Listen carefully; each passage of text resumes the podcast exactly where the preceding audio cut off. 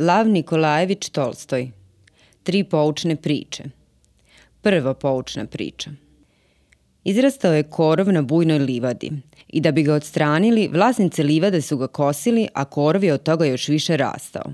I dogodi se da čestiti razborit domaćin poseti vlasnika livade i između ostalih saveta koje im je dao, reče da ne treba kositi korov jer on od toga još više raste, već ga treba čupati s korenom ali ili zato što vlasnici livade nisu zapazili između drugih saveta čestitog domaćina savet da ne kose korov, već da ga čupaju, ili zato što ga nisu razumeli, ili što iz nekih svojih razloga nisu hteli tako postupiti, tek dogodi se da savet da se ne kosi korov, već da se čupa, nisu poslušali kao da nikad nije bio ni dat i ljudi su nastavili da kose korov i tako mu omogućavali da buja.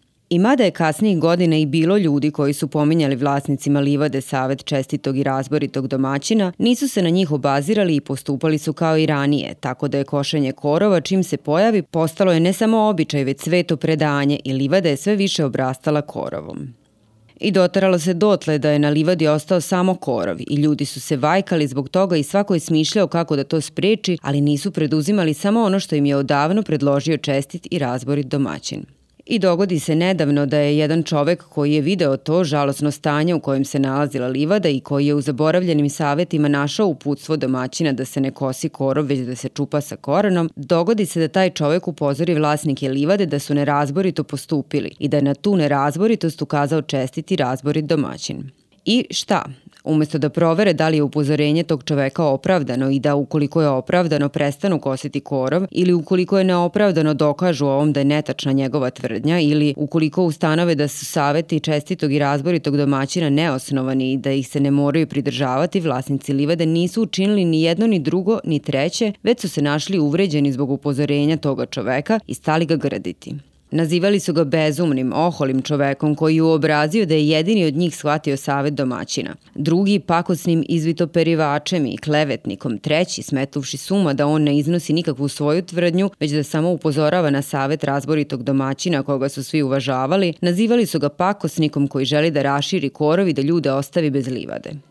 On veli da ne treba kositi korov, a ako ne budemo uništavali korov, govorili su oni svesno prećutkujući da čovek nije govorio da ne treba uništavati korov, nego da ga ne treba kositi već čupati, korov će još više izrasti i potpuno upropastiti našu livadu. I zašto nam je onda data livada ako na njoj treba gajiti korov?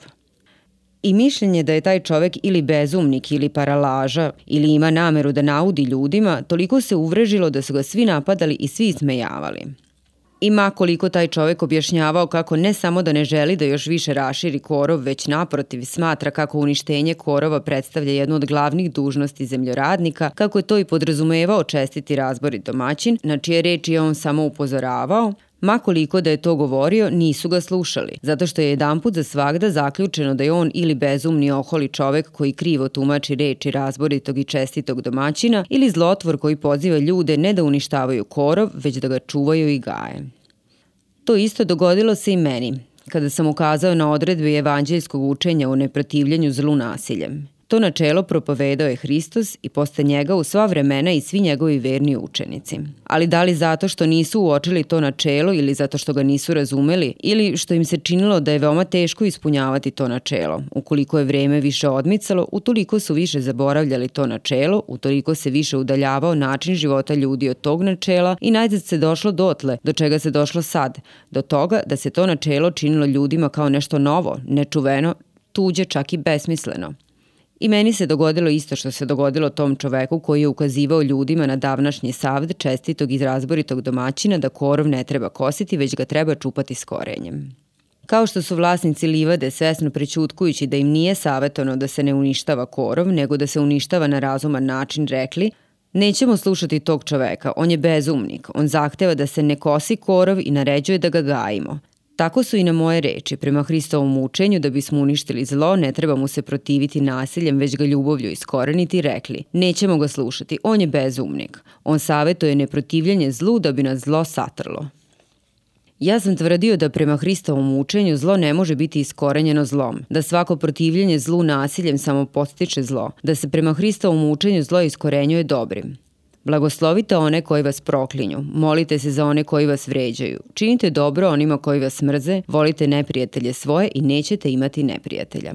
Ja sam govorio da prema Hristovom učenju ceo ljudski život predstavlja borbu sa zlom, protivljenje zlu razumom i ljubavlju, ali da od svih sredstava protivljenja zlu Hristos isključuje jedno nerazumno sredstvo protivljenja zlu nasiljem. One se sastoji u tome da se protiv zla ne treba boriti zlom. I te moje reči bile su shvaćene tako kao da ja tvrdim da je Hristos navodno učio da se ne treba protiviti zlu. I svi oni koji su zasnovali život na nasilju i kojima je zato drago nasilje, rado su prihvatili ovakvo izopačavanje mojih reči i s njima Hristovih reči i ustanovljeno je da je neprotivljenje zlu netačno, besmisleno, bezbožno i štetno učenje. I ljudi mirno nastavljaju da pod izgovorom uništenja zla stvaraju zlo i postiču ga.